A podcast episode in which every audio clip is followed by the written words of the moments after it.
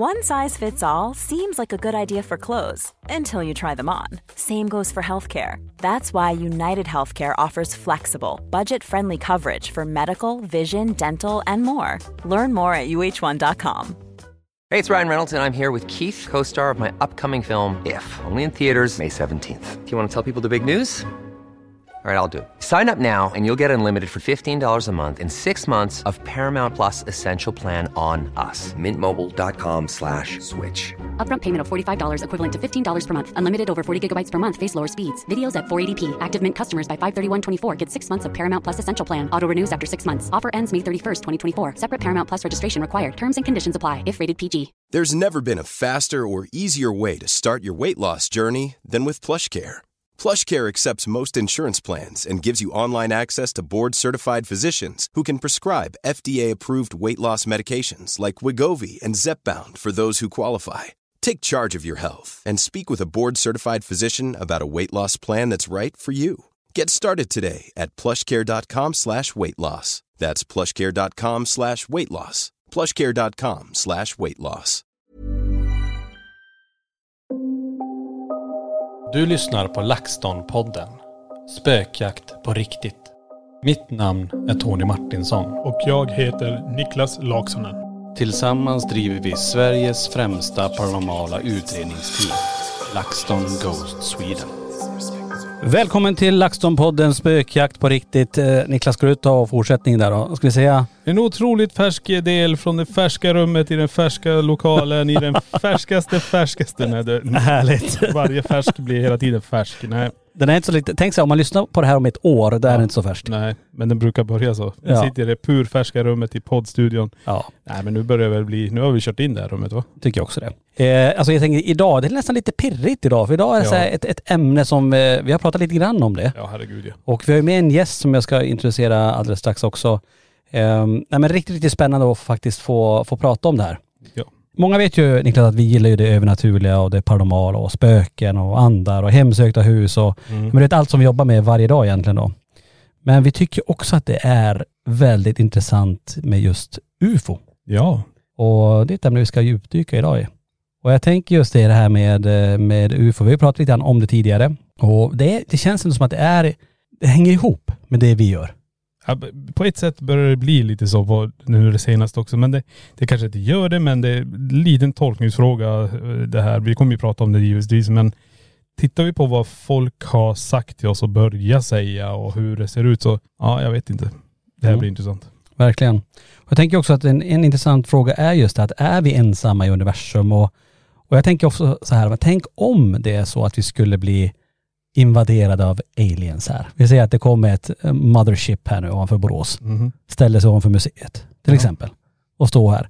Vad hade hänt med världen? Vad hade hänt med allt som pågår? Alltså var hade fokuset riktats? Hade man fortsatt med krig och, och allt som onödigt som händer runt om i världen? Eller hade man faktiskt en gång för alla samlas i gemensam kraft, alla länder och bara okej, vad ska vi göra nu? Mm, du tänker, ja, ja jag förstår vad du menar. Nej men jag tror det hade blivit en jädra om eh, fokus på många plan faktiskt. Det, det, det kommer ett, ska vi säga om man tror att det är ett hot Ja. så måste ju hela världen ställa sig bakom det här och försvara sig. Så Mm. Ja.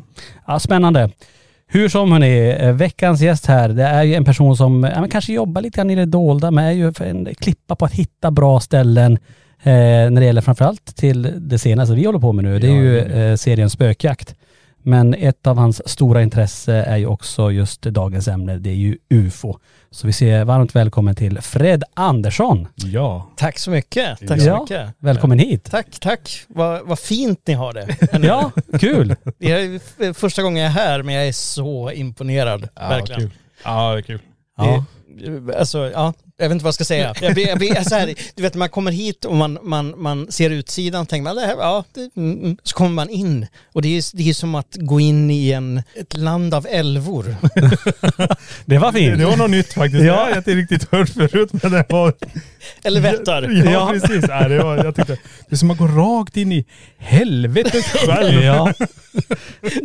Men just älvor, det var fint. Ja, det var Verkligen jävligt så här. fint. Men det är det som vi har sagt också. Man, man tittar på utsidan av själva byggnaden och tänker man okej, är lite betong och grejer. Så när man kommer in så öppnar man upp och då säger det, det är som en sago, myssagostund kanske. Ja, jag tror inte alla våra besökare tycker det. det, det, Det är en del som verkligen säger, ah men du det här eh, var väldigt obehagligt. Ja, vi har haft Man några ska- som man... Man ska ju tillägga att älvor inte är enbart snälla och vackra och fina. Precis. Heller. Helt rätt. De kan vara ganska otrevliga och läskiga. Mm. Så att eh, det är väl kanske det också jag gillar med dem. Det är lite, lite tvetydigt. Ja.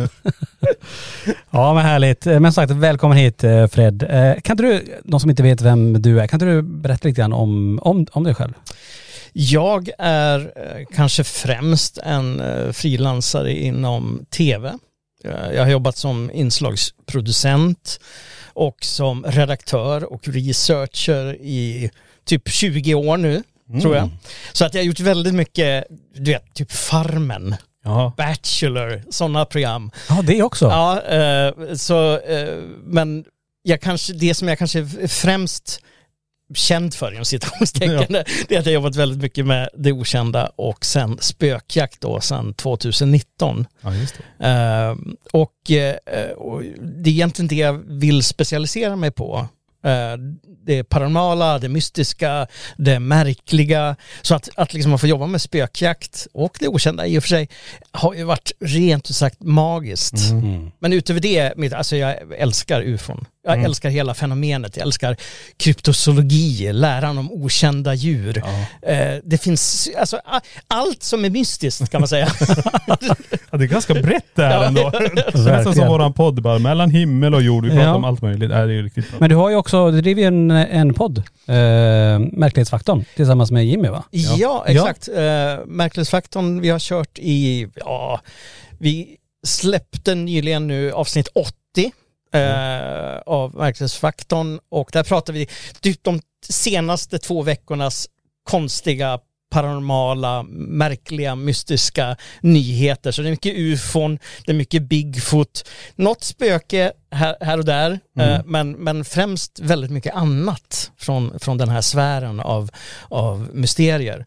Eh, och eh, jag är jätte, jättestolt över märklighetsfaktorn. Ja. Och vi, vi låg liksom och geggade där ganska lågt fram till i mitten av förra året och sen har det bara rusat uppåt. Och det är vi jätte, jätteglada över att vi har hittat så mycket fina, härliga lyssnare. Ja, men Kul. Kul. Men, men släpper ni det, är det varje vecka eller har du någon, någon ordning på det där? Eh, var, varannan vecka. Varannan vecka? Ja, Ja. i, bör, I början var vi överambitiösa och skulle ha ett i veckan, men vi kände att orkar inte. Nej.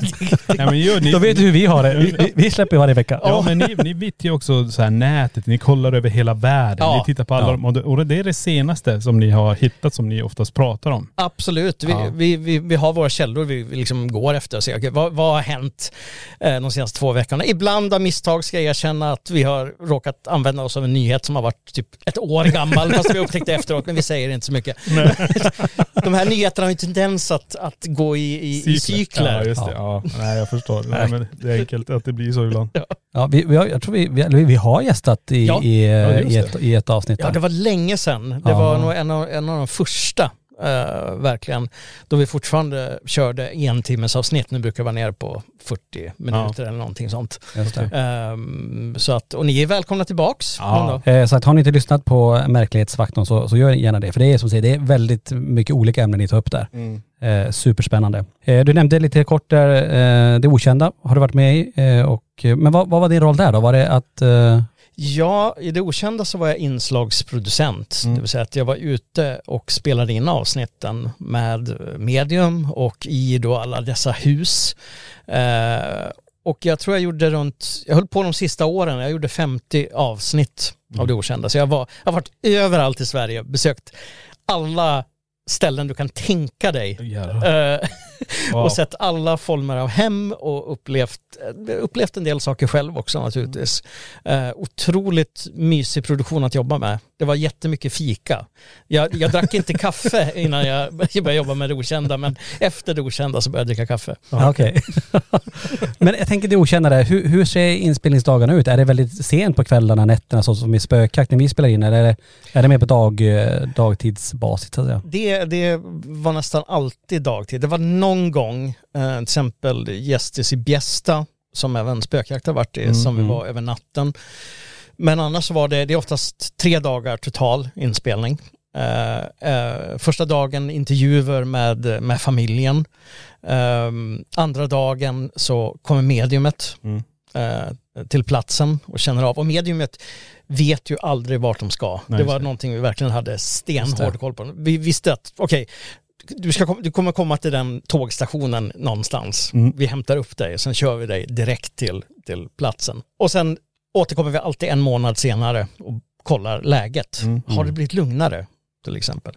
Ehm, så att det var ett jäkla flängande över hela Sverige, men väldigt, väldigt roligt. Jag längtar nästan tillbaks till det okända, men man, vet, man har gjort det så många gånger Ja, så ja, man, ja, man bara, ja. Jag, Helt ärligt så tror jag att vi börjar få slut på hemsökta platser på slutet. Ja, häftigt. Ja. men det är kul ändå att, att vara med på plats och få se, uppleva och träffa alla de här familjerna också. Oh ja, oh ja.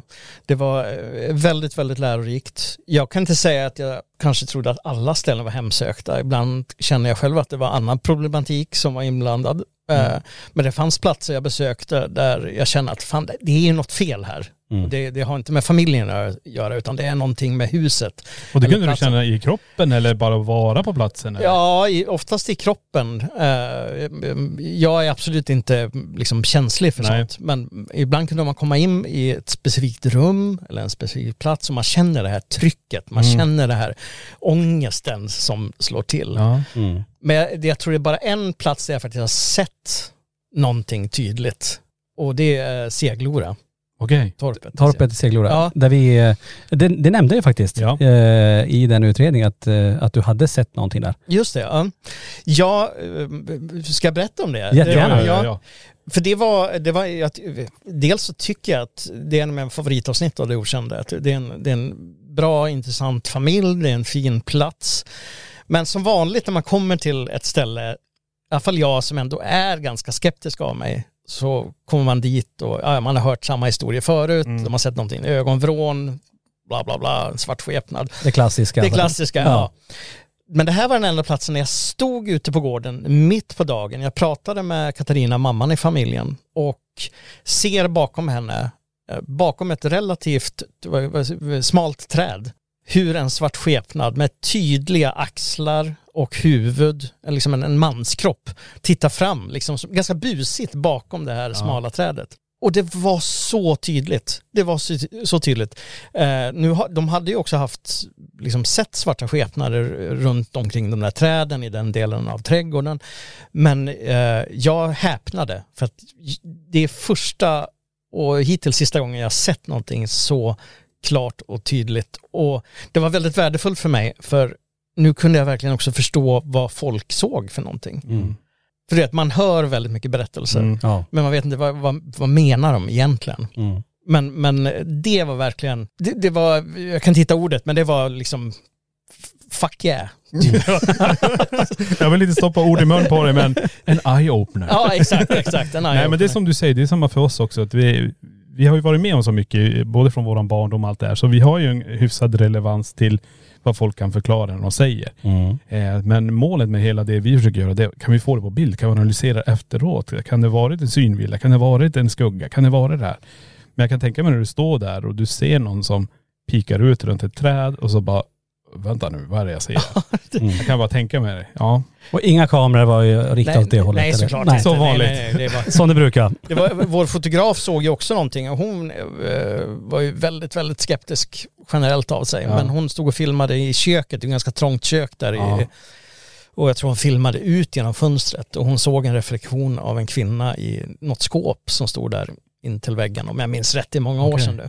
Mm. Eh, och hon var också liksom, the fuck? ja, jag menar, alltså, det, du vet, det, Ja. det är sällan man, man upplever saker så visuellt när man är ute. Mm. Eh, så det var, det, var, det, var, det var kul och spännande att göra det, verkligen.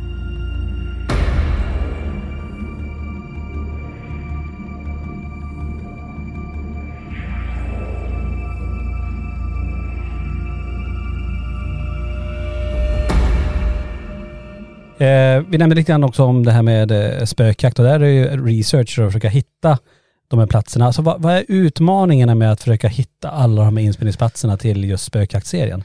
För det är nog inte så himla lätt tror jag. Nej, det, det är faktiskt, eh, så här, det finns gott om hemsökta platser. Det finns, Jag menar, eh, du har ju hela England, alltså det, är, all, det, all, det spökar överallt. Mm. Det som är kruxet just med spökjakt är att man vill ha en bra story. Mm. Alltså en bra, det måste finnas någonting att berätta. Det räcker inte alltid med att ja, vi har ett spöke i huset. Utan vi måste ha en, vi måste ha en historia, vi måste ha en tydlig bakgrund. Mm. Och sen om den här bakgrunden nu spelar sig för 500 år sedan eller 20 år sedan, det spelar egentligen ingen roll. Bara det är någonting som vi kan prata om och, Ja, och liksom undersöka. Det, det är svårt. Mm. Alltså det man kan inte tro att det är så svårt, men det är riktigt svårt. Ja, jag kan tänka mig det. Eh, men jag menar det är, det, det har varit, eh, eh, ni kommer ihåg under pandemin så, eh, jag vet inte hur känt det här är, men tanken var ju att spökjakt skulle till USA, Ja, så det. blev det inställt på grund av, av så då var vi ju tvungna att sätta ihop en, en, en svensk säsong väldigt, väldigt fort. Ja. Mm. Otroligt, otroligt fort. Och då fick jag med, jag tror det heter Bäckaskogs slott. Just det. Och det var också en, det var verkligen en vild chansning för vi hade ganska lite att välja på och jag bara kände, ja men det är ett, det är ett gammalt kloster, Mm. det måste finnas någonting att berätta. Så att jag, jag, jag, jag sålde in det bra till, till producenter och till Jocke. Bara så här, det, här, det här, vi kör på det här. Mm. Utan att liksom egentligen veta, hmm, var, var det här rätt? Men när jag väl sen började gräva, för det gick ju väldigt fort, så hittade jag så mycket berättelser om platsen. Så mycket vittnen. Det, var, det är nog en av de platser jag hittat flest vittnen på. Det är ju långt ifrån alla vittnen som dök upp i programmet eller som Mm. jag ens kontaktade, för det var så otroligt mycket upplevelser där. Ehm, så att jag tycker det är också ett lite underskattat avsnitt, för att, för att det, eh, det var mycket arbete som lades på det. Mm. Eh, och det finns för flera sådana platser naturligtvis. Mm. Eh, men eh, liksom bara hitta en jättebra story. Och nu, nu låter story lite cyniskt, Ja. svensk tv-grej, men en historia bara. Men det blir ju lite grann, det är lite som en startmotor för det vi ska göra också. Det är ju det här lilla, det vi har som grund för det vi ska titta på. Eh, Det, det är väl nästan det man tycker Ja. är, förutom spökerierna som kanske är ganska tydliga och sådär, Mm. så är det väl just det att man eh, har någonting att nysta i. Det här Ja. mystiken, mysteriet. Kan vi, kan vi lösa någonting? Kan vi hitta någon mer ledtråd? Det är ju, det adderar en till dimension på själva spökjakten, tycker jag. Oh ja. Absolut. Oh ja, ja. Om jag får ta en plats som jag är väldigt stolt över att jag hittade så är ju det Poltergeisthuset i Polen. Ja, herregud. Eh, för det kände jag till sedan några år tillbaks. Eh, men det finns väldigt lite information om det på engelska så allt är på polska. Och jag kommer ihåg att jag under åren så jobbade jag med det här. Att vi pratar flera år där jag försökte lokalisera vem äger det här huset? Vem ska jag kontakta? Eh, och till slut var det någon som sa att ägaren till det här huset äger några lägenheter i en grannstad.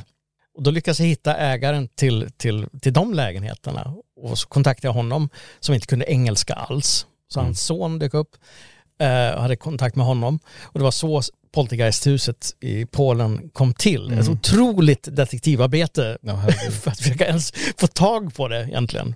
Men jag tänker Polen, äh, Poltergeisthuset i Polen, det, Ja. var, det var till ett avsnitt som var, blev väldigt populärt och vi fick ju, jag fick ju se någonting eh, helt otroligt med den här stenen som föll från taket och det där. Eh, fick en att bli liten igen egentligen när jag gick tillbaka det jag såg när jag var, när jag var väldigt liten. Men, men du nämnde innan, hur, eh, vad känner du till om huset innan här? Alltså, eller hur kom du i kontakt med det från första början? Kommer du ihåg det? Alltså det är ganska många år sedan, sedan jag... Mm, alltså jag har ju ett, ett naturligt intresse av konstiga saker och det där hade väl e- antagligen har det dykt upp någonstans i bakgrunden och då hade jag lagrat det någonstans i mitt hjärnarkiv. Att det, är, det finns ju ett, hus, ett poltergeisthus i Polen, varför, varför läser jag inte om det här helt enkelt? Så jag satte mig med Google Translate och läste igenom tonvis med polska sidor, mest nyhetssidor och liknande och började hitta liksom en väldigt fascinerande historia. Dels tycker jag, jag tycker också att det var dels bakgrundshistoria naturligtvis med mordet och försvinnanden och sånt, men också hur hans, den nuvarande ägaren faktiskt, eh, vilket nämns i avsnittet, köpte huset från början för att han ville kapitalisera på att det faktiskt spökade där. Just det. Eh, men det hade inte funkat för att det var för obehagligt. Han har försökt hyra ut det men ingen, ingen vill bo där av naturliga, naturliga skäl. Så hela den, den, ba, hans bakgrundshistoria, hur den familjen har kämpat med det här huset och bara haft det stående för att ingen vill köpa eller hyra Polens mest hemsökta hus. Ja. Tyckte jag var väldigt fascinerande. Ehm, och det blev ju ett bra avsnitt. Ja, jag. Verkligen. Ja, Det, Det är galet. Och Det vi, och vi, var, det vi var ju tillbaka där. Men det är ju ett avsnitt som alla pratar om. Men det är det ju Det verkligen. är, det är hela tiden. Och vi var ju tillbaka där. Ja, ja. Eh, och eh, det var ju spännande, vi körde bara en live och så kommer det väl komma en utredning därifrån också. Vi håller ju Mm. på att titta på det med. Eller vi har material för det i alla fall och, och, och nej, super, super spännande. Och det vi gjorde, eh, förlåt jag avbryter, men det vi gjorde, vi tog också med en kille som pratar polska. Så vi kunde använda spiritboxen ganska mycket för att svaren som kom var på polska och han, nu kommer jag inte ihåg vad som sades av alltihop, men han fick fram ganska mycket med ett som var väldigt häftigt. Ska vi säga det? Ska vi säga det? Det bekräftade namnet. Ja. Ja, alltså vi fick ju igenom namnet eh, Theodor på, via Spirit, Spiritboxen. Mm. Och vi går ju ut eh, och, och pratar med lite folk där och hittar vi en, en eh, gammal man i, i parken där som inte ville vara med framför kameran men vi fick ändå lite inspelningar av när de pratade och han Simon, tolken som var med, direkt så sa han att de första ägarna av de här, det här huset, han hette Theodor. Och hans son som föddes döpte han också till Theodor. Så det finns två Theodor i det här Mm. huset. Så det var ju väldigt spännande faktiskt. Ja, Grymt. Just, just kring det där. Men eh, ja, det ska göras en analys på det där avsnittet definitivt. eh, också.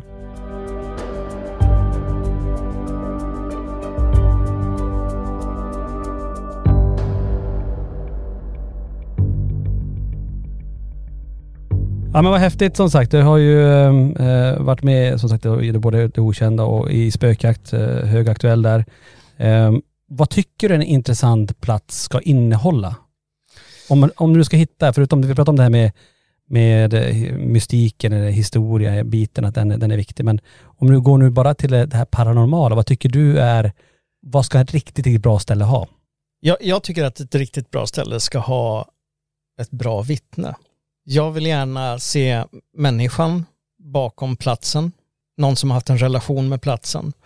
Så att man får den mänskliga aspekten så att man inte bara går in och eh, liksom kör sina, sin, sin tekniska utrustning eller, eller känner av utan man, man pratar med någon som faktiskt har en relation, som har upplevt med någonting, upplevt någonting.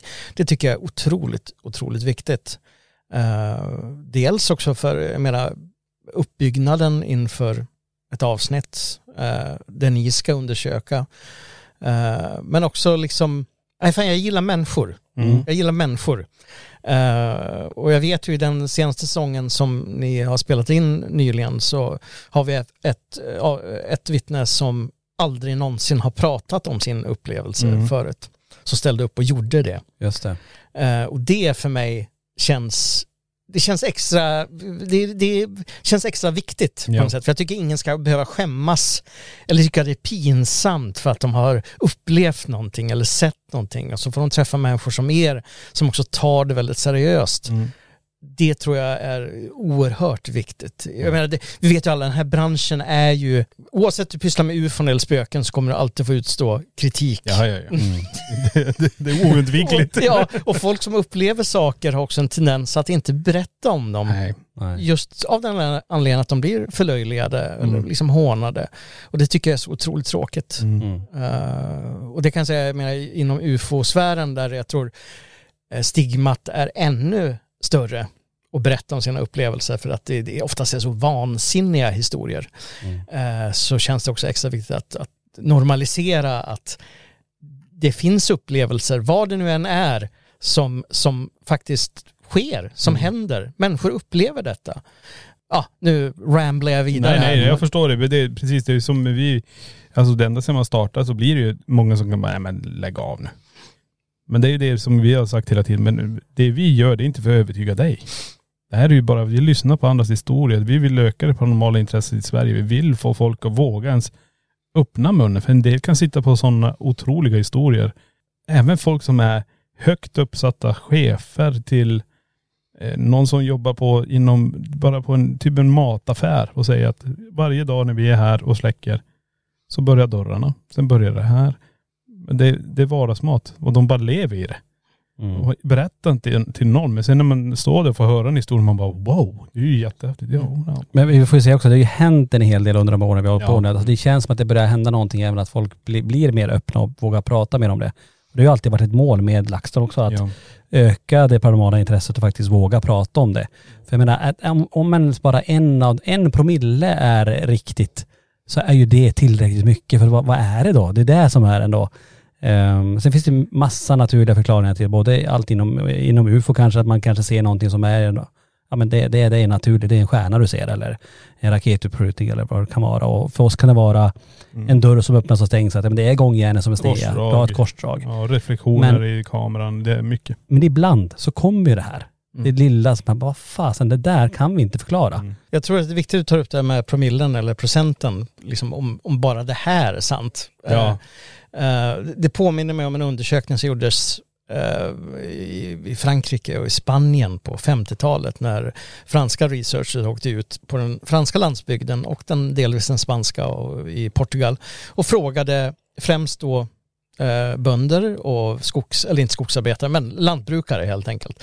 Har ni upplevt någonting utöver det normala? Någonting ni inte kan förklara? De fick väl in ett par hundra eh, upplevelser av hur lantbrukare, främst lantbrukare, eh, bokstavligen träffar på utomjordingar, eller, det som de uppfattar som utomjordingar, alltså märkliga varelser.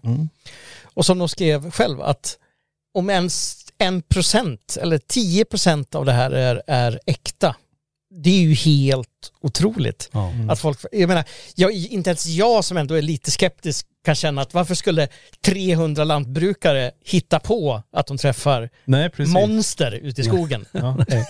Precis. Nej, men bara, det, oftast börjar man titta på vad finns det för vinning kanske. Ja. Ja. Vad- Jag menar, det, är inte, det här vill inte de stöta på när de håller på att göra sina grejer. Nej. Det är ju det, det är samma som, ja vi, vi har ett lejon här i skogen. Vi är 300 som har sett det. Nej, det finns ingen lejon i den här skogen. Men den, jo, det förstår jag menar. Det blir lite så här, men lyssna på sig, händer ju det här. Nej men det är det som jag tycker också, det är ju samma som vi också. Vi tittar ju på det breda spannet av vittnesmål. Av flera stycken som säger samma sak. Då börjar man se att det, det är ju någonting här. För flera stycken säger samma sak. Ja, ja men verkligen. Mm. Eh, Det är väl egentligen det, alltså oavsett vad fenomenet i sig består av. Om man tittar på antal vittnesuppgifter, observationer som kommit in, speciellt inom då till exempel UFO där Mm. jag är specialiserad på, så, så eh, det är sådana oerhörda mängder. Att det känns bara märkligt att alla skulle hitta på eller hallucinera eller drömma. Mm. Utan det, det finns någonting där ute, vad det nu än är, så finns det någonting Ja, ja. som, som, som kanske leker med oss, busar eller vad, vad de nu gör för någonting. Och det, det är den delen, det är det som fascinerar mig. Det är det, den mysteriedelen där som jag tycker är otroligt, otroligt spännande. Ja, ja, ja. Ja. Ja, verkligen. Eh, vi är redan inne i det nu, vi har glidit över lite grann från nu spökjakt, det paranormala, in i ufo-världen här. Men eh, du brinner ju verkligen för, för ämnet. Och, men, men alltså hur kom intresse för det? Just det här med ufon. Ja, jag är ju det här, var- det här var ju långt innan internet. Nej, men jag, jag tror att eh, dels min, min pappas sambo Gunilla som numera är avliden, hon berättade en historia för mig när jag var barn. Eh, om hur hon och hennes mamma såg ett eh, silverfärgat klot som svävade över parkeringen. Eh, där, de bodde, där hon bodde som barn. Och det är liksom också, Gunilla var en väldigt rationell person. Hon var ingen som fabulerade ihop saker bara för att imponera på folk. Hon var brutalt rationell kan man säga. Eh, trodde inte på Gud eller någonting sånt där. Utan det var, och det där fascinerar mig något otroligt. Så antagligen var det i och med det som jag började gå till biblioteket och låna böcker. Och jag fick en bok av min mamma som heter De otroliga tefaten av en rysk-svensk journalist som heter Eugen Semenchov. Och det, här, och det är en väldigt, väldigt skeptisk ufo-bok. Men den hade så otroligt många spännande historier, eh, internationella historier och, och mycket bilder naturligtvis. Det är en pocketbok från 70-talet. Eh, och den där boken tror jag verkligen, där ligger grunden till mitt intresse. För läser du den, vad, vad kan jag ha varit, sju år, sju, åtta år, du vet, wow. Helt ny värld. Ja, precis. Vad är det här för någonting? Eh, det, var nog där, det var nog där det började alltså. Jag, Mm. läste, jag läste en bok. Men du har aldrig varit med om någonting så här som du skulle kunna relatera till att ja, men det där kanske var ett ufo? Jag har sett eh, märkliga ljusfenomen på himlen, det har jag gjort. Men inget som jag egentligen skulle kunna säga är vad, vad vi då kallar för ufon, liksom oidentifierat på det sättet. Precis. Skulle, ja. Ehm, lustigt nog har jag varit med om mer spökgrejer Ja. Eh, av någon anledning. Eh, eh, till exempel där i Seglora och lite annat. Ja. Men jag, nej, jag har, och då har jag varit ute mycket och kollat på stjärnhimlen. Mm. Varit ute på nätterna och kollat. Men jag, jag har ett minne av, det här kanske var tio år sedan, jag satt uppe på en kulle och det var kanske runt tolv på natten. Och vi såg en, en blixt uppe i nattsken. Alltså verkligen bara en, alltså det, verkligen som någon tände en väldigt stark lampa tju, och sen av igen. Det kunde ju lika gärna varit någon meteorit som gick igenom atmosfären eller någonting sånt. Mm. Men det var så, men det har jag ju sett förut så det förstår jag hur det ser ut. Den grejen är väl lite mystisk men Mm. jag skulle inte gå så långt att jag skulle säga att det var ett, ett rymdskepp. Nej, Nej, nej, nej. Men det är väl just det, alltså, när du berättar just det att man, att man går ut och tittar på stjärnhimlen, det är väl det är väl det, något lockande, något så här fascinerande när man, eh, de har ju själv gjort, det vet ju Kiruna när man var liten. Man la sig på rygg i, i snön i snöribba och kollade upp, såg norrskenet vandra.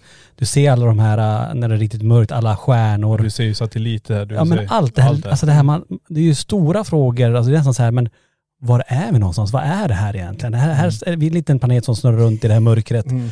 Och där ute finns det miljarders miljarders galaxer som, Ja. som alltså vad är vi? Alltså det är ganska, det är ganska jobbigt ibland att tänka Man till och börjar med. känna sig ganska liten helt plötsligt. Ja. Ja. eller så kanske man också känner sig stor för man kanske Mm. känner att man är delaktig i någonting. Ja, just det.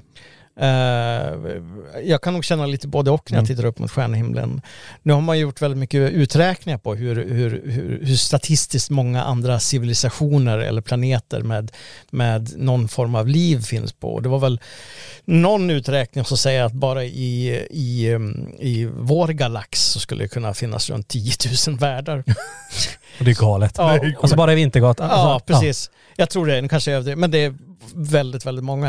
Eh, men uppenbarligen inget vi kan se härifrån, Nej. känns som. Eh, men det är ba- bara en sån tanke liksom. Och det är ju, inte, det är ju inget omöjligt i det, för att med vår planet är ett visst avstånd från solen, den ligger rätt helt enkelt. Och med tanke på ohyggligt stor vår galax är och universum i sig är, det är såklart att det finns andra planeter som har hamnat rätt i förhållande till sol och Precis. eh, liksom tyngdkraft och vad det nu än är för någonting, kemisk uppbyggnad. Det är såklart att det finns liv där ute. Ja, det måste ju nästan. Ja. Alltså, Sen är frågan då, kommer det livet att hälsa på oss då och då? Det är väl den eviga stora frågan. Ja, jag vet inte om jag ska vara ärlig.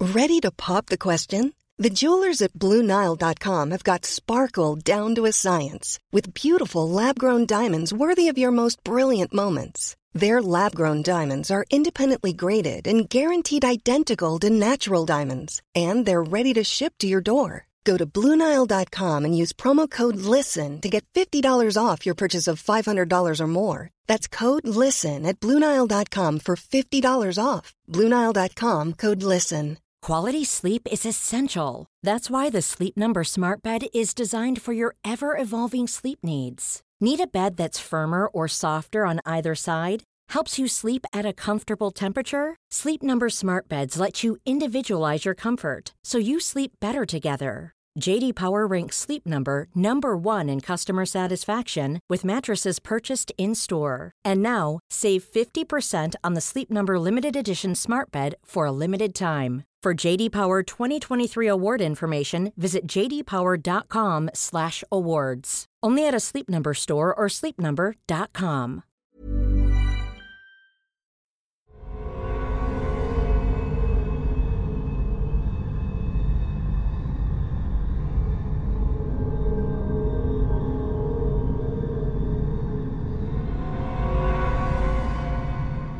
det är också hur långt gånget är det? Le- Lever de, har det här funnits då i någon miljon år längre än vad vi har funnits? Precis. Ja. Hur långt har de kommit eller vad, vilket typ av liv?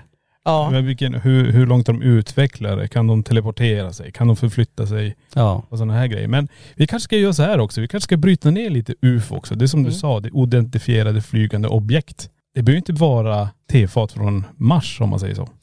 Nej, um, beror på lite grann hur du menar. Alltså, nu är det ju väldigt poppis att, att man kallar det inte UFO längre, men man kallar det för UAP som heter precis. Unidentified. Eh, det, det finns två olika varianter där. Unidentified Aerial Phenomenon eller eh, jag är så dålig på engelska. An, eh, um, anomali på engelska. Anomalous, just det. objekt. Vilket naturligtvis kan vara helt andra saker Mm. naturligtvis. Det kan vara eh, väderfenomen, det kan vara, ja, välj vad du vill helt enkelt. Nej precis, och det var det jag tänkte just säga. För oftast när man ser då, nu när man tittar, alltså de här, ska man säga så här, bevisfilmerna som kommer från eh, amerikanska militären. Hur fort det går. Mhm. När de förflyttar sig så är det ju fysiskt omöjligt för en, om vi skulle sätta en människa i det här. Ja, Så skulle det bara vara gegga kvar av oss i de här G-krafterna vad jag har förstått det som. Definitivt. Ja. De där videorna är ju väldigt intressanta. Det, är de. Det, finns ett problem, det skulle ju definitivt kunna vara någon form av mänsklig teknologi Mm. som inte är känd. Men det, det finns ett drama i, inom den amerikanska militären. Det är flottan som läcker de flesta av de här, de här videorna. Mm. De har en jättedålig relation med flygvapnet. Jaha. Så det finns sådana som tror att flottan läcker de här sakerna för att de är irriterade på att flygvapnet och andra delar av amerikanska militären inte vill berätta vad de håller på med. Jaha. Så de försöker provocera fram någonting. Men det är ju bara rena spekulationer Mm. naturligtvis. Eh, det finns några jätteintressanta videos. Det finns någon som släpptes för ett par år sedan när man ser ett, ett föremål som liksom eh, hovrar över havet och sen sänker sig ner i vattnet. Ja just det. Eh, den gillar jag väldigt skarpt. Eh, sku- absolut, jag skulle kunna vara tråkig och säga att det är en ballong eller Mm. någonting sånt där. Men den är intressant, den är, den är spännande, den är, den, det är bara att de som filmar detta och ser detta inte kan förklara vad det är för någonting, om man, om man ska lita på dem i alla fall. Mm. Bara det gör det ju extra spännande. Men det är ju såklart, man bara väntar på den här bilden som är i HD-kvalitet. Ja precis. Nära, det är, är Hur svårt på- kan det vara? Ja, jag är trött på de här blurriga bilderna. Nej men det är så, nu har alla kamerorna har ju så bra, nu kan ju alla, men det är som du säger, det är just det här när också eh, de här oidentifierade flygande objekten sänker sig ner i havet. Mm. Och vi vet ju, vad har vi utforskat? 12 procent av havet? Ja, typ knappt det tror jag. Ja, så jag menar där kan det ju också finnas, det är ju djupa grejer och det, allt är allt möjligt som, kan det finnas där att det är där man gömmer sig till exempel? Ja, om, om, man, om man, eh, jag vet inte riktigt vad man ska kalla det för utomjordiska varelser då, men eh, ehm, det finns ju ett namn för dem, de kallar dem för krypto, cryptoterrestrials. Aha, eh, okej. eh, som lever på jorden eller i jorden Mm. eller kanske eller eh, under vattnet eller har baser där. Och det finns ju historier om sådana sådana upplevelser väldigt långt tillbaka i tiden. Mm. Eh, du, du har ju liksom uh, Shag Harbor-incidenten i slutet av 60-talet i USA där eh, väldigt många vittnen ser ett föremål som bokstavligen landar eller kraschlandar kanske mer i vattnet nära en, en kuststad som heter Shag Harbor eh, och försvinner ner under vattnet och de ser ljusen under vattnet och hur den försvinner iväg. Mm. Som skapar till exempel ett otroligt militärpådrag runt omkring kring det där. Man hittar det inte. Ehm, så att det är definitivt en, en teori som jag tycker är otroligt spännande. Precis som du säger, vi vet inte så mycket vad som finns där nere. Nej, Nej. Eh, nej och det, det skrämmer Jag hatar ju hav. På alla olika Men det, alltså tänk det är ändå ett bra ställe att gömma sig på. Ja men definitivt, Ja, men det är det som är fascinerande. Alltså, nu kanske inte, jag, jag, vi kan, kanske ska hoppa tillbaka och fokusera mer på Sverige också, men det är så intressant. Vi har ju Bermuda-triangeln. Det är någonting som jag också börjar se nu, det är något som de kallar för Alaskan Triangle. Eh, och sen har vi, Skinwalker Ranch. ja men alltså olika saker som händer på det här. Allt det här lyfts nu upp i både media och alltihop. Det görs serier och det görs allt möjligt kring det här. Men jag tittade någon eh, som, det, eh, jag tror den heter UFO Alaska eller någonting. mhm. Och där var det alltså, det vittnesskildringar och även lite så här inspelade saker av där man går till vittnen som du sa att det är ganska viktigt att ha en person som berättar. Hur de berättar om de här ljusfenomenen på himlen där. Och allting verkar också kretsa kring militära. Mm. Eh, och även de personerna som såg det här hade faktiskt lite grann en militär bakgrund verkar det som. Så det är också så här, vänta nu, vad är det här? Varför kan de här? Är det något speciellt? En del sa att de, de blev påhälsade och det var ovanför deras hus. De kunde stå i 20 minuter och hovra ovanför husen. Och tänkte, men HD-bilden då? Ja, Var, exakt. vart är den? Ja. Det är ju så. Speciellt när man vet, de här områ- områdena kallas ju för fönsterområden eller Ja. window areas där då saker, där liksom Skinwalker Ranch är ett väldigt känt exempel Ja. där de faktiskt har övervakning och gör undersökningar kontinuerligt. Vi har ju sådana områden i Sverige också. Eh, eh, som liksom, det kan gå i vågor. Och i Norge också. I Norge har du ju väldigt berömt ställe, Hästdalen. Ja just, Just det, de, Eh, den. eh, Finns men den kameran kvar fortfarande? Det, det sitter kvar där ja. så de, de livesänder där uppifrån? Det här Eh. Ja, senast jag koll, kollade Ja. i alla fall. Eh, Men det var ju mycket mer aktivitet här på 80-talet än vad det är nu.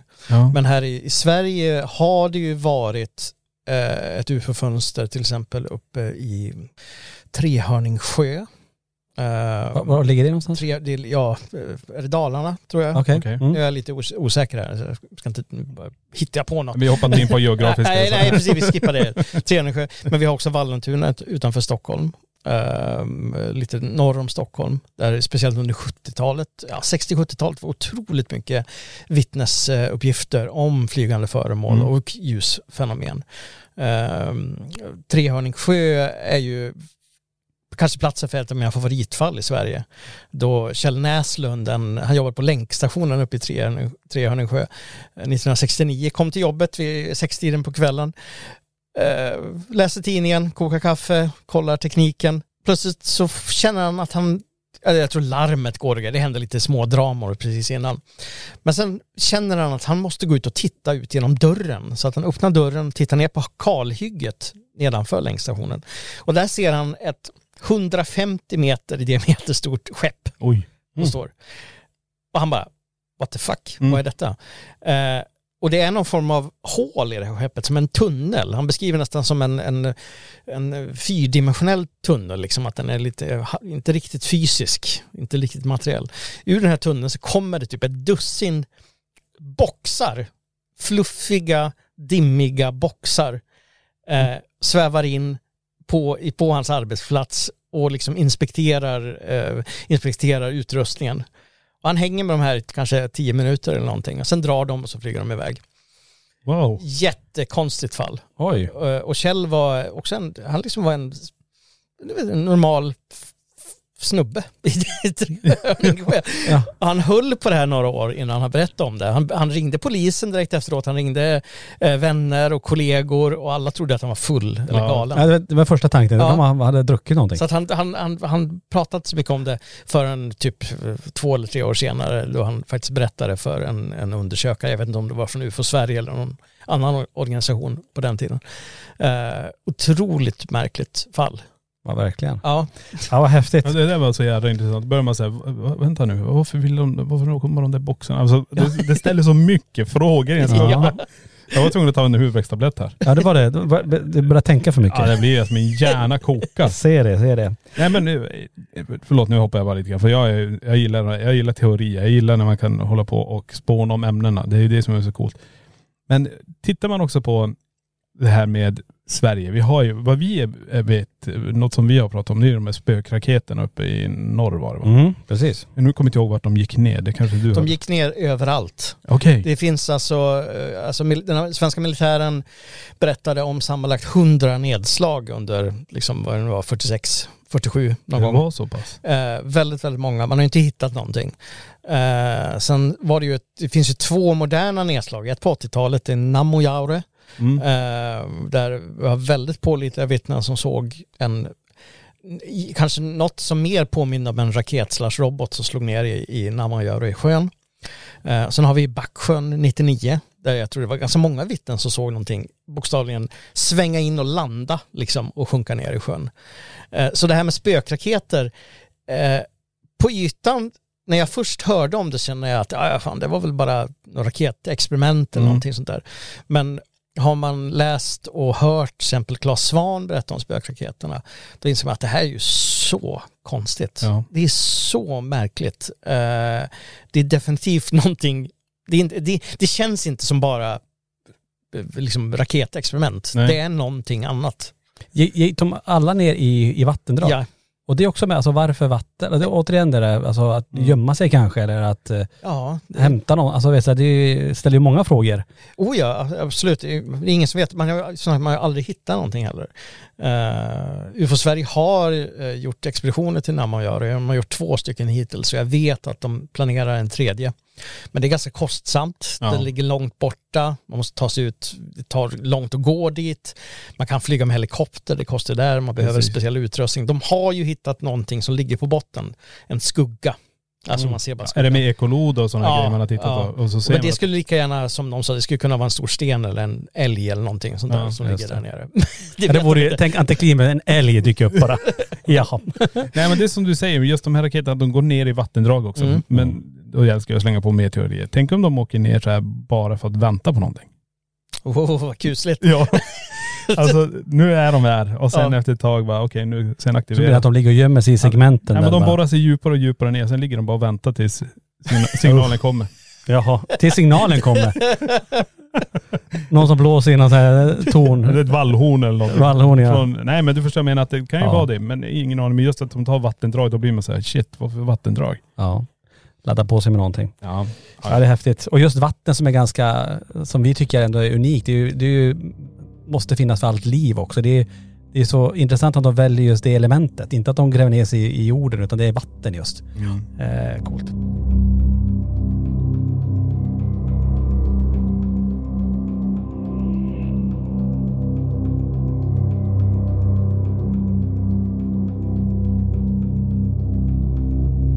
Du nämnde lite grann om det här med, med UFO Sverige och det är du ju också engagerad i. Kan du inte berätta lite kring just organisationen UFO Sverige? Det är Ja. inte många som vet om tror jag. Nej, och det, det som jag nämnde tidigare, det är märkligt att inte så många gör det. Uh, UFO Sverige har ju funnits i, eh, de firade 50-årsjubileum förra året. Mm. Två år försenat i och för sig, så det är kanske 52-årsjubileum uh, på grund av pandemin. Eh, och genomför ju, eh, dels förvaltar de UFO-historia i Sverige i, i samarbete med Archives for the Unexplained som är världens största arkiv för det oförklarliga. Alltså det är helt galet. Jag hade ingen aning om det här. Nej. Vi- Visste du det? Nej. Ett stort arkiv i Sverige, alltså det är världens största arkiv. Världens största. Tro mig, det är helt galet. Besök den någon gång, ta ett studiebesök där. Eh, deras arkiv är uppdelat på 15 olika platser för det är så jävlar. liksom, otroligt. Så just nu försöker vi hitta liksom en, en, en, en egen byggnad eller nya lokaler. Eh, så det finns otroligt mycket information och det är öppet för forskare liksom och intresserade. De säljer även böcker för att kunna finansiera arkivet. Eh, helt magiskt. Men UFO Sverige i sig eh, eh, är ju egentligen främst till för att förvalta UFO-rapporter. Mm. Att ta UFO-rapporter seriöst, göra undersökningar, eh, prata med vittnen, även återbesöka gamla fall. Vi, brukar säga att de roligaste fallen är ju sådana som folk kommer in 40 år senare och berättar, tyvärr. Man, man skulle vilja att de berättade på en gång. Ja. Men, men här är oftast, ja 1975 då landade ett ufo i trädgården. Det är ju sånt man vill veta på en gång. Det är jättesvårt att titta på bevis, liksom be, bevismaterial, liksom, bara, vad, vad fanns det i luften då? Det, det går ju inte, inte så långt efteråt. Eh, och det är ju det är där som verkligen uh, UFO Sverige med sin väldigt seriösa hållning har gjort ett otroligt jobb, måste jag säga själv. Nu är jag själv engagerad i det. Mm. Ja. Men det, eh, det, jag tror många gör misstaget att tro att UFO Sverige handlar om att man går omkring och tror på UFOn, att man tror på utomjordingar. Mm. Eh, så är det inte. Eh, UFO Sverige kör någonting som kallas för den tredje vägens ufologi, det vill säga att man tittar på mysteriet. Man är nyfiken på vad är det som har hänt? Vad är det här? Man förutsätter inte att det är fake eller en bluff eller hallucination eller man förutsätter inte heller att det är eh, utomjordingar eller någonting annat. Utan man, man liksom håller sig i mitten och är genuint nyfikna på vad såg den här personen eller personerna. Eh, och då finns det, varje år så sker det en fältundersökarkurs på två dagar eh, som är väldigt, väldigt trevlig. Man får lära sig intervjuteknik, eh, man får lära sig en misstolkningsguide, vilket är otroligt värdefullt. Eh, jag kan säga att många rapporter som kommer in, det är folk som har sett Venus Mm. eller månen Ja. eller, ja, du vet, så här, eller flygplan Ja. satelliter. Alltså det är väldigt mycket som kan misstolkas. Något som jag fick lära mig när jag var där senast, det är att vårt, vårt minne är ju typ sämst i världen. Kvaliteten på vårt minne, jag tror att efter fem timmar eller någonting, efter man har sett någonting, då har minnet försämrats med 50 procent. Sen ja. fyller minnet, alltså, sen fyller hjärnan på med information som kanske inte har med saken att göra, eller man Mm. tror att det fanns där. Och efter en vecka, då är det typ nere, nere på 10 procent. Så du kan tänka dig folk som kommer in efter 40 år, 30-40 år.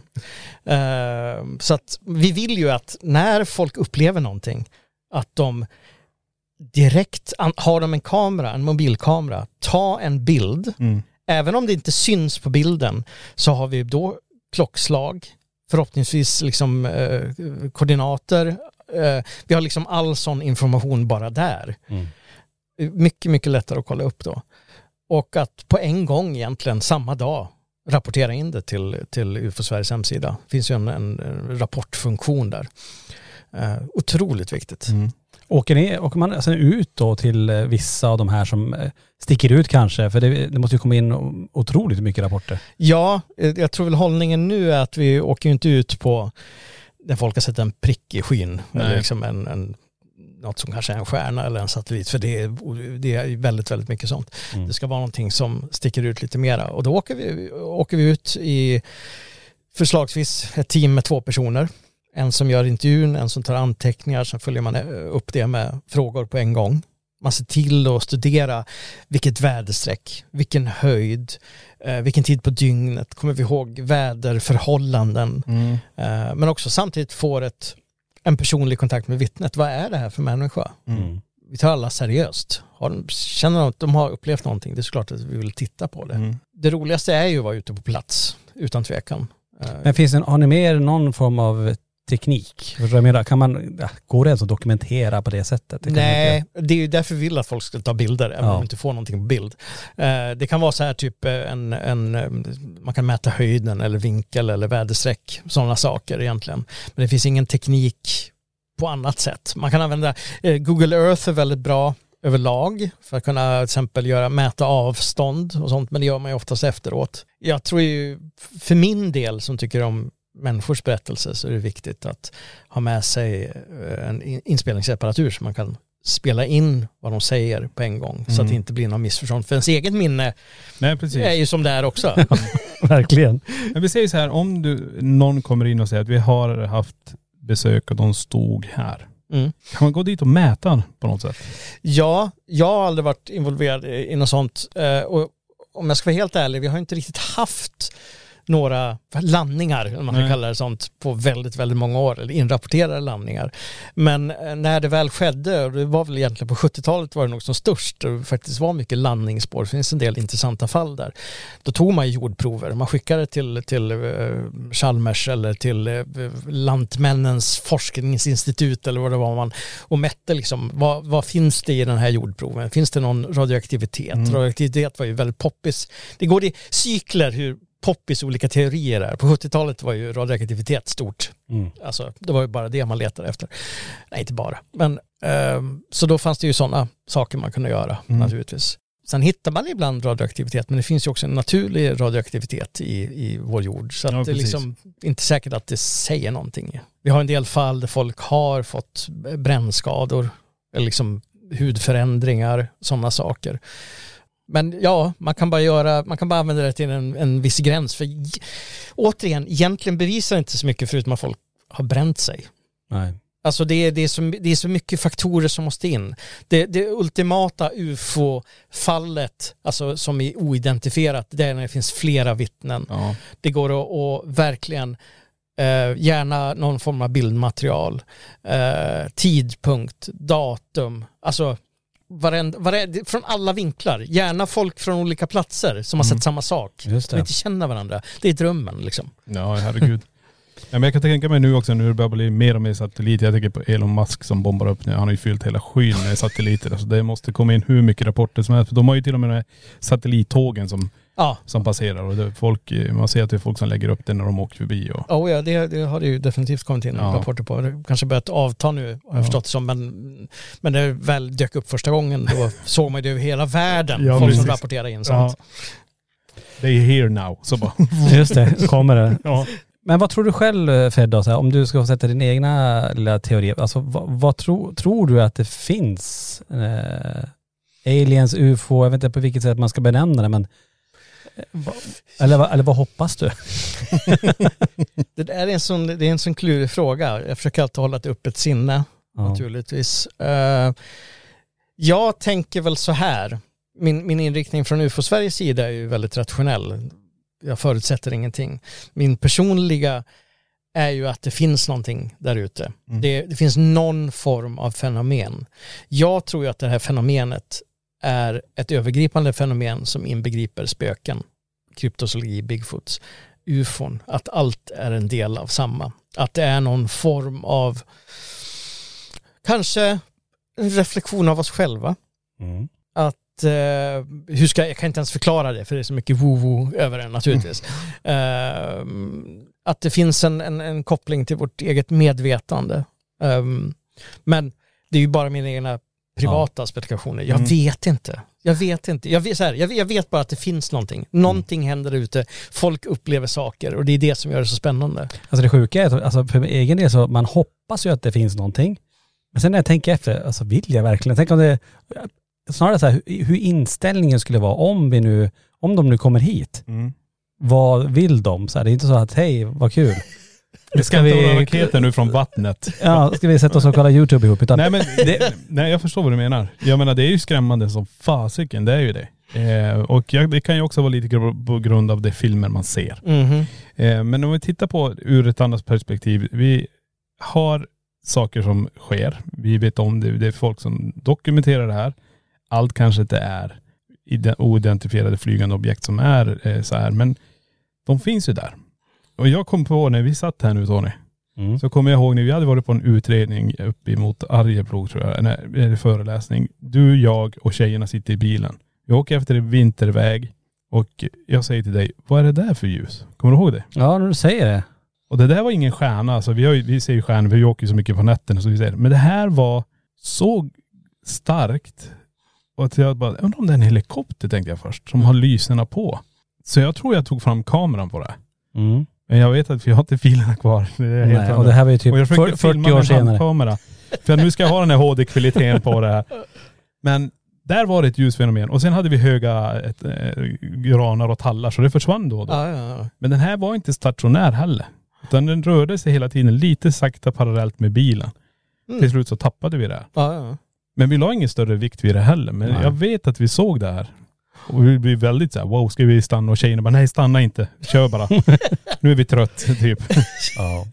Du skulle ha rapporterat in det på en gång. Exakt, jag sa ju det. Du var 40 år senare så, så kommer rapporten Nej här. men det blev ju där också. Där vet jag att det var för det dök upp. För det, det var för, för konstigt på skyn för att vi skulle reflektera och säga att det är en stjärna. Alltså det- det är också väldigt, väldigt vanligt måste jag tillägga att folk har kameror och tillgång till att fotografera och inte gör det när de upplever någonting. Precis. De står bara och stirrar på någonting. Ja, på, ja. Alltså, jag minns nu en, en upplevelse för, jag vet inte, fem, sex år sedan. Vi var ute på ett fält, var på natten, vi var grillade. Eh, vi ser liksom en ljuscirkel ute i fältet. Alltså en helt rund, bara, alltså Mm. en, en cirkel uppljust mitt ute på ett, ett fält. Ett stort fält. Och vi står och tittar på det, vad är det där för någonting? Och jag har tagit jättemycket bilder från den kvällen. Inte ett enda på den där ljuscirkeln. Jag har tagit precis så att den är helt liksom bortkroppad, typ Nej. på andra och sådana grejer. Aldrig ett, vi, och när, vi gick inte ens och kolla på den. Nej men det är så här, man vill bara, vad är det för någonting? Jag tror det är väldigt, väldigt, väldigt vanligt. Nej men det, det verkar som det. Och jag är superglad att folk ändå lyckas efter ett tag kanske få in den där perfekta bilden. Men själv, jag förstår det. Vi vill inte stanna med bilen. Jag försökte sitta med en kamera i så här 90 kilometer i timmen på en eh, snöväg och, och den får, jag försökte zooma, den får ju iväg överallt. Så hade man skickat in den och sagt bara herregud, du har ju druckit eller någonting och sitta och filma det här. Planning for your next trip? Elevate your travel style with Quince. Quince has all the jet setting essentials you'll want for your next getaway, like European linen, premium luggage options, buttery soft Italian leather bags, and so much more. And is all priced at 50 to 80% less than similar brands. Plus, Quince only works with factories that use safe and ethical manufacturing practices. Pack your bags with high-quality essentials you'll be wearing for vacations to come with Quince. Go to quince.com slash pack for free shipping and 365-day returns. This message comes from BOF sponsor eBay. You'll know real when you get it. It'll say eBay Authenticity Guarantee. And you'll feel it. Maybe it's a head turning handbag, a watch that says it all, jewelry that makes you look like the gem, or sneakers and streetwear so fresh every step feels fly. eBay gets it. So look for the blue check mark next to that thing you love and be confident that every inch, stitch, sole, and logo is checked by experts. With eBay Authenticity Guarantee, you can trust that feeling of real is always in reach. Ensure your next purchase is the real deal. Visit eBay.com for terms.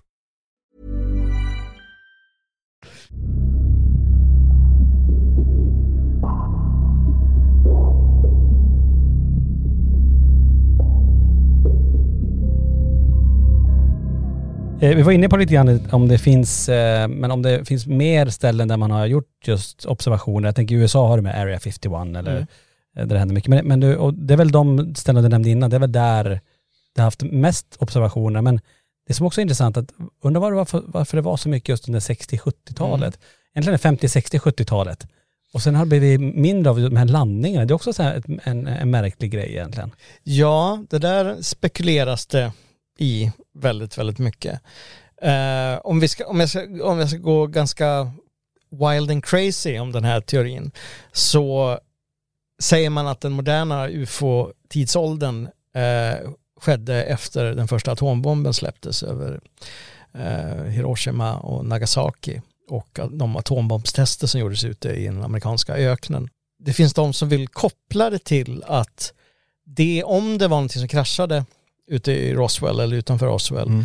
eh, eller i ett område som heter Trinity som skedde även tidigare så skulle det på något sätt vara ett meddelande till oss, till jorden. Mhm. De slänger ner någonting, alltså att det är som en gåva, typ en, en symbol för att det finns någonting annat där ute.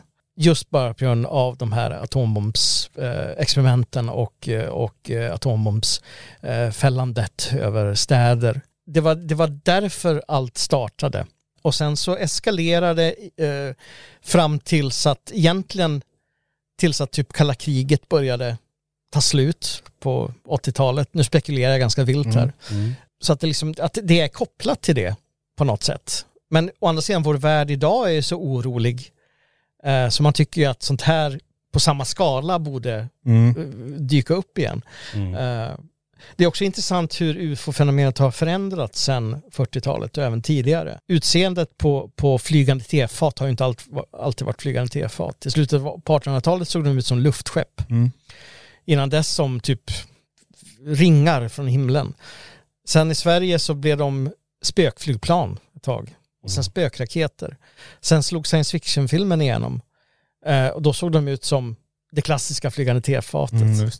Sen blev de svarta trianglar. Sen, alltså det, det, och det är det som många tror har med att, att de tror att det här är kopplat till hur vi upplever fenomenet. Eh, fenomenet i sig anpassar sig till våran teknolo- teknologiska eh, Ja. utveckling. Så tänker jag. Ehm, eh, och ja, jätteflummigt naturligtvis. Men du ser ju knappt några klassiska, jag menar på 50-talet var det flygande tefat, bokstavligen flygande tefat. Mm.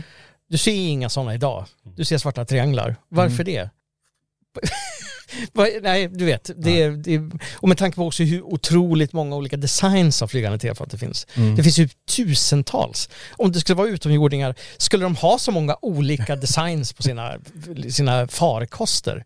det är därför många tror att det har någonting med vårt eget medvetande att göra, att det är kopplat på ett, ett djupare plan än bara något fysiskt. Mm. Ja, det är spännande. Alltså, sen tänker jag också på allt det här, om vi nu djupdyker ännu mer det här med, ja men ta vid, vid pyramiderna, det de har ritat in, alltså det ser ut som att det kommer någonting från himlen som ser ut som Mm, mm. aliens eller tefat eller vad man ska kalla det för. Ja, Du pratar nu ancient aliens. Ja men lite så. Lite, okej. Eller hur? Ja nej men alltså det, är- det är ju det här eh, på alla olika sätt. Och jag tänker just också som nu, de säger tic-tac-toe. Eller tic-tac-ufo. Så nu börjar de se ut som en vit kapsel som rör sig. Okej men det, är det på grund av att vi, vi kan inte beskriva, det är bara att tänka tillbaka. Vi tar en, en grottmänniska som får se ett ufo. Hur ska de kunna beskriva? De vet ju aldrig hur en sån, ett ufo, alltså en tefat eller någonting. Ja, ja men absolut, absolut. Det är, eh, det är därför jag tror att eh, hur vi upplever de här sakerna, att det anpassar sig till vår egen utveckling som Precis. människor, vår egen erfarenhet. Ett jättebra exempel är det vi kallar för grays. Folk ser de här små Ja, grå varelserna med stora huvuden och stora svarta ögon. De förekom knappt fram tills, jag vet inte, när var det nu, 86. Mhm. För då släppte Whitley Strieber sin bok Närkontakt, eller Communion, där han berättar om sina upplevelser. Han blev eh, abducted, han blev bortförd av utomjordingar. Då beskriver han sådana varelser. På framsidan av den boken så ser man en sån varelse, en väldigt Ja. ikonisk framsida. Efter det så börjar folk se den formen av design. Det fanns några exempel innan också. Men efter det så bara, woof! Mm. Det var, det var, så såg utomjordingar ut i folks upplevelser. Mm. Eh, Jag tycker det är jättespännande. Och jag påstår inte att, att det betyder att folk inbillar sig att det är bluff eller att det är hallucinationer, utan det är någonting annat. Jag bara känner att det är en jättestark koppling mellan hur vi påverkas som människor, vår egen utveckling, Mm. våra egna, egna erfarenheter och i hur upplevelsen, hur fenomenet artar sig. Mm. Det här är mina egna åsikter. Ja, ja, inte ja. UFO Sverige ska Nej, nej, säga nej, det. nej. Nej men häftigt. Nej, för, förlåt jag bara, sist här också. Men om man börjar titta på det här också med eh, skuggfolk och sådana här saker. Det är ju ganska lätt att beskriva en skugga. Då behöver du inte sätta en nyans eller en eh, någonting om de har rört sig på det sättet innan. För vad jag har förstått så börjar de titta på den kopplingen också, att skuggfolk kan också vara aliens som dyker upp och du ligger helt paralyserad, som i sömnparalys. Ja, ja, absolut. Eller de kallar det för ultraterrestrial som lever i en annan dimension. eller att det precis. finns liksom olika... Det finns en jättebra bok, jag tror den heter Hidden Universe av Anthony Peake, som är en fet bok. Väldigt, väldigt bra bok om precis ämnet skuggvarelser Ja. och eh, sånt man upplever i, inom sömnparalys eller i, i ufo-upplevelser eller som spöken. Han vill gärna sammankoppla detta. Jättebra bok i ämnet. Ja, Okej, coolt. Mm. Ja, häftigt. Eh, känner man kan ju prata hur Ja, länge som helst om, alltså, om det här. Jag tycker vi bara hoppa på ytan men, men vi, kan väl, vi, vi pratade lite grann om, innan vi satte på det också, så, så har det ju kommit en film nu. Den första kan man väl kalla ufo-filmen i Sverige. Ja. Kan du, känner du till någonting om, om, om den och om UFO Sverige är delaktig i det? Ja, eh, UFO Sweden eh, heter den och har gjorts av eh, filmkollektivet Crazy Pictures i Norrköping. De gjorde en film som hette Den blomstertid. Uh, Just det. Blomstertid, nu Mm. kommer kommer jag. Som, ändå, som var välgjord. Tyckte manuset sög om jag ska vara ärlig. Mm. Men, men de här, här har de tid att förbättra sig. Mm. De, en i deras team upptäckte ju att det här arkivet, Archives for the Unexplained, låg granne med honom. Mm. Han hade ingen aning om det, så han tog ett studiebesök där. De tog ett studiebesök där och bara insåg, vad är det här? Det är ju typ världens största arkiv. Vi har UFO Sverige. Så de skrev ett manus, tycker jag, ganska starkt inspirerade av UFO Sverige och arkivet. Eh, men med sin egen twist på det hela då om, om en, en tjej som eh, vars pappa försvinner när hon är, ehm, eh, när hon är väldigt ung. Och eh, nu då när hon är tonåring eh, så tar hon tag i det här igen när, när jag tror det är hans bil som dyker upp igen eller någonting. Jag kommer, nu kommer inte ihåg exakt detaljerna där. Eh, för den försvann också. Eh, och det har ju blivit en, tycker jag, en otroligt snygg svensk sci-fi film. Otroligt välgjord. Jag tycker den är, den är, nu har jag sagt otroligt flera gånger i rad, men den är, den är, det, jag, jag älskar den. Jag tycker den är grym. Ja, jag verkligen. måste se den. Jag har inte, jag har inte sett den faktiskt. Nej, jag måste också se. Ja. Alltså det, är- det känns, det är verkligen som man, man tänker sig en svensk Hollywoodfilm fast med svensk kvalitet också. Ja. Och då menar jag svensk kvalitet på ett bra sätt. För Ja. svensk kvalitet kan man inte så, och så. så. Eh, jag rekommenderar verkligen varmt och det har varit väldigt, väldigt roligt. Jag har inte varit inblandad men UFO, UFO Sverige och arkivet har ju Mm. haft en stor del, dels som inspiration och har bidragit med rekvisita och eh, låtit teamet hålla, vara med på kurser som får lära sig hur det går till och, och undersöka UFO-fall. Mm. Ehm, ja, en, Nej, det låter jättebra. Ja, häftigt. Nej, helt galet. Ehm, lite avslutande här, jag tänker på eh, alltså intresset för just eh, UFO i eh, med UFO Sverige och, och tycker du att det, det, det har ökat under åren som har gått nu eller känner du att det ligger på samma nivå som för 10-15 år sedan eller känner du att det har hänt någonting? Det, det som, eh, jag, jag, känner att, det, att intresset har definitivt ökat. Det har det gjort. Speciellt sen de här läckta videorna från Pentagon. Ja, det råder diskussioner om de är läckta egentligen, utan det är bara att de, ja, de dök upp på något sätt. Och då har ju, det har ju uppenbarligen skapat ett starkt nytt intresse för ämnet. Sen är det fortfarande, tycker jag, lite stigma just när det gäller ufo-frågan, folk kan tycka det är lite awkward och svårt att prata om. Eh, jag skäms inte det minsta för att jag är intresserad av det. Mm. Men jag tror alla som någonsin i den här branschen, oavsett om det rör sig om spöken eller, eller Bigfoots eller Mm. ufon, har nog någon gång stött på folk som bara Äh, vad håller du på med liksom? Mm. Vad, vad, vad, vad, tror du på det där? Jag, säger, nej, jag vet inte om jag tror på det men det är spännande. Exakt. Ja men det är väl det som är. Men vi har också pratat om det Niklas, kommer du ihåg det här att eh, det var ju för något avsnitt också där vi Alltså att vi sa att det känns som att det behöver gå hända någonting. Mm. Det känns som att det, det, det sker någonting i världen just nu och vi fick jättemycket respons på det, framförallt i kommentarer, att det är väldigt många som känner det och många videos där ute på YouTube, TikTok, Instagram, där man pratar om att det håller på att ske någon förändring i världen. Mm. Eh, vad det är vet man inte riktigt, Nej. men folk känner det i kroppen, man känner det i hur, hur, man, hur man tänker. Alltså det, det här är jättefascinerande Ja men vi börjar prata också, har det någonting med lutningen att göra? Börjar vi sakta in i rotationen? Börjar vi Mm. känna av någonting sånt här? eh, I, jag vet inte. Ja, eller har det med coviden att göra? Har man Ja. börjat tänka annorlunda? Mm. Eh, vad, sen kan vi ta många teorier på det här också, konspirationer med vaccinet. Vad har det gjort med kroppen? Mm. Och, och vissa nu börjar känna till och med en meningslöshet. Att varför, alltså så här, att man börjar känna att det inte, kän, livet känns inte riktigt, alltså varför finns vi? Alltså det Mm. börjar bli väldigt det, djupa tankar. Jag, jag, tror, jag tror det är något som pandemin har gett oss är att eh, folk börjar ifrågasätta, ska vi verkligen gå till jobbet och slava varje dag? Ja precis. Så kan det Alltså vara. på riktigt. Ja. Eh, vi kan ju jobba hemma, vi kan, vi Ja. kan jobba mycket friare. Nu, måste, nu är det ju uppbyggt samhälle så att vi måste jobba. Mm. Men för många så vi behöver inte gå och sitta på ett kontor och jobba. Nej. Och jag tror att många har kanske fått den insikten att ja, men det här kan jag ju göra någon annanstans helt Ja. enkelt. Och kanske må mycket bättre. Mm. Eh, och kanske tänka mer, kanske filosofera mera. Uh, något jag vill tillägga bara lite kort om just med att, att allting ökar, intresset ökar, det är att vara källkritisk. För det är, du vet, inom märklighetsfaktorn så kollar vi på otroligt mycket videos. Ja. Och jag skulle nog säga att majoriteten av alla videos, speciellt på ufon, är ju rent påhitt. Det är, Vi pratar CGI, det, det är folk som bara skapar videos för att få likes. Och det är mycket enklare nu Oh, ja, det är tekniken. så mycket enklare alltså. Eh, Så det sprids jättemycket fantastiska videos där ute som ser helt makalösa ut. Men tänk en extra sekund innan ni tror på det. Ja. Ja. Alltså på, på riktigt, för det där, det märker jag, det sprids i, jag som är så inblandad i ufo-sfären, sådana här videos sprids ju som en löpeld. Ja, ja visst. Jag, vill, jag, jag vill inte sluta på en, en, med en negativ känsla här, men jag, det, är det där det är viktigt tycker jag. Ja nej det är sant. Helt rätt, helt rätt. Och så, så tänker vi också. Alltså just det här med att det finns ju mycket videos där ute och, och att man då ska tänka ett extra varv eh, kring, kring det. Ja men det ska man göra oavsett. Ja. Eh, Det tycker jag. På allt. Eh, vi har alltid en liten avslutande fråga till alla våra gäster som kommer här. Mm. Så eh, nu ska vi se här vad du, vad du tänker om det här. Men vad tror du händer den dagen vi faktiskt dör? Vad tror du händer? Eller vad hoppas du ska hända? Du tar sitt sista andetag och så, vad, vad, vad sker? Oj, vilken svår fråga. Den är, den är Vilken... så. ja, det är, jo, det är såklart jag har tankar om det. Personligen så tror jag inte på himmel eller helvete.